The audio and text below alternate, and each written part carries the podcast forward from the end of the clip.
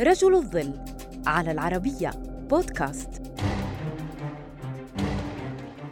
لطالما ارتبطت النازية باسم هتلر وأنه هو الآمر والقائد الدكتاتور الأول للنازية لكن ما لا يعرفه الكثيرون أن هناك من كان يقف بالصف الخلفي ينظر ويرسم الأطر التي مشى عليها الزعيم أدولف هتلر.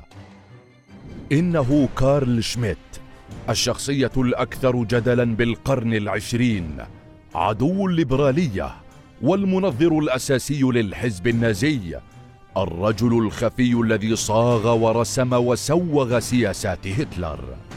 ولد كارل شميت في ألمانيا عام 1888 وتدرج بدراسة القانون حتى صار أستاذا في القانون ونظرية الدولة.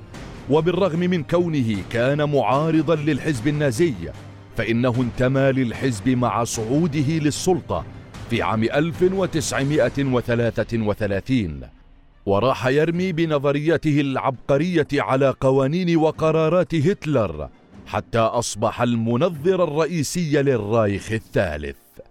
قام شميت بتثبيت مبدأ هتلر الدكتاتوري والانفرادي في السلطة من خلال نظرياته الرافضة للليبرالية والديمقراطية البرلمانية التي بينها في كتاب أزمات الديمقراطيات البرلمانية واعتبرها مليئة بالاختلافات والصراعات ولا يمكنها صناعة دولة قوية فدعا إلى حصر التمثيل السياسي ليكون في شخص واحد فقط وهو السيد أو الزعيم الواحد. الفهرر الذي بيده السلطة والقوة ويجب على الشعب أن يلتف حوله.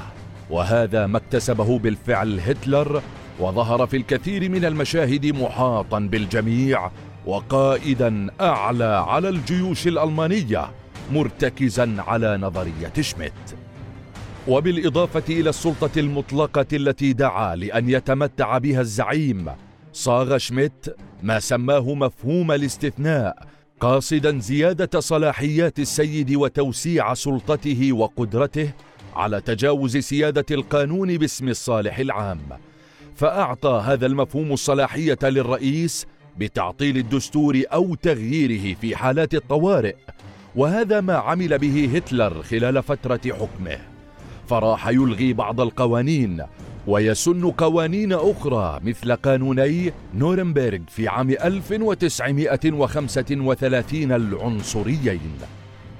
لم ينتهي دور كارل شميت إلى هنا بل راح ينظر للنازيين وهتلر تحديدا بأوقات وجوب الحروب حاملا سلاحه الوحيد وهو قلمه. فعرف شميت السياسة في كتابه مفهوم السياسية على أنها تمييز بين الصديق والعدو وهو مبدأ يقوم على أساس الصراع بين القوميات المختلفة. وقد تصل إلى حالة الحرب. وألقى شميت هذه النظرية على الحزب النازي ما برر لهتلر دخوله في الحروب معتبرا إياه يقوم بعمله السياسي الحقيقي. فبدون حروب لا توجد سياسة.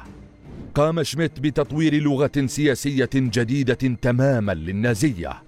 وأسهم في تخليصها من ليبرالية القرن التاسع عشر وتثبيت قوة هتلر وسيطرته على ألمانيا. توفي كارل شميت في عام 1985 بعد أن عاش قرابة المئة عام غير نادم على ميوله النازية ولا مبادئه المعادية للديمقراطية والليبرالية.